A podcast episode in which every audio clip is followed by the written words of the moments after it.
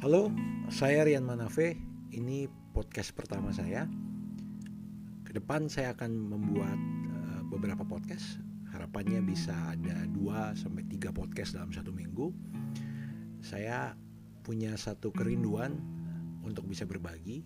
Semoga apa yang saya bagikan bisa bermanfaat uh, tentang hidup, pembelajaran saya, hubungan, pernikahan, uh, pekerjaan, startup, dan juga berbagai hal yang saya pikirkan dalam hidup. Um, saya juga terbuka kalau dari teman-teman ada yang punya request ataupun permintaan topik spesifik untuk kita bisa diskusikan lebih lanjut di podcast ini. Terima kasih.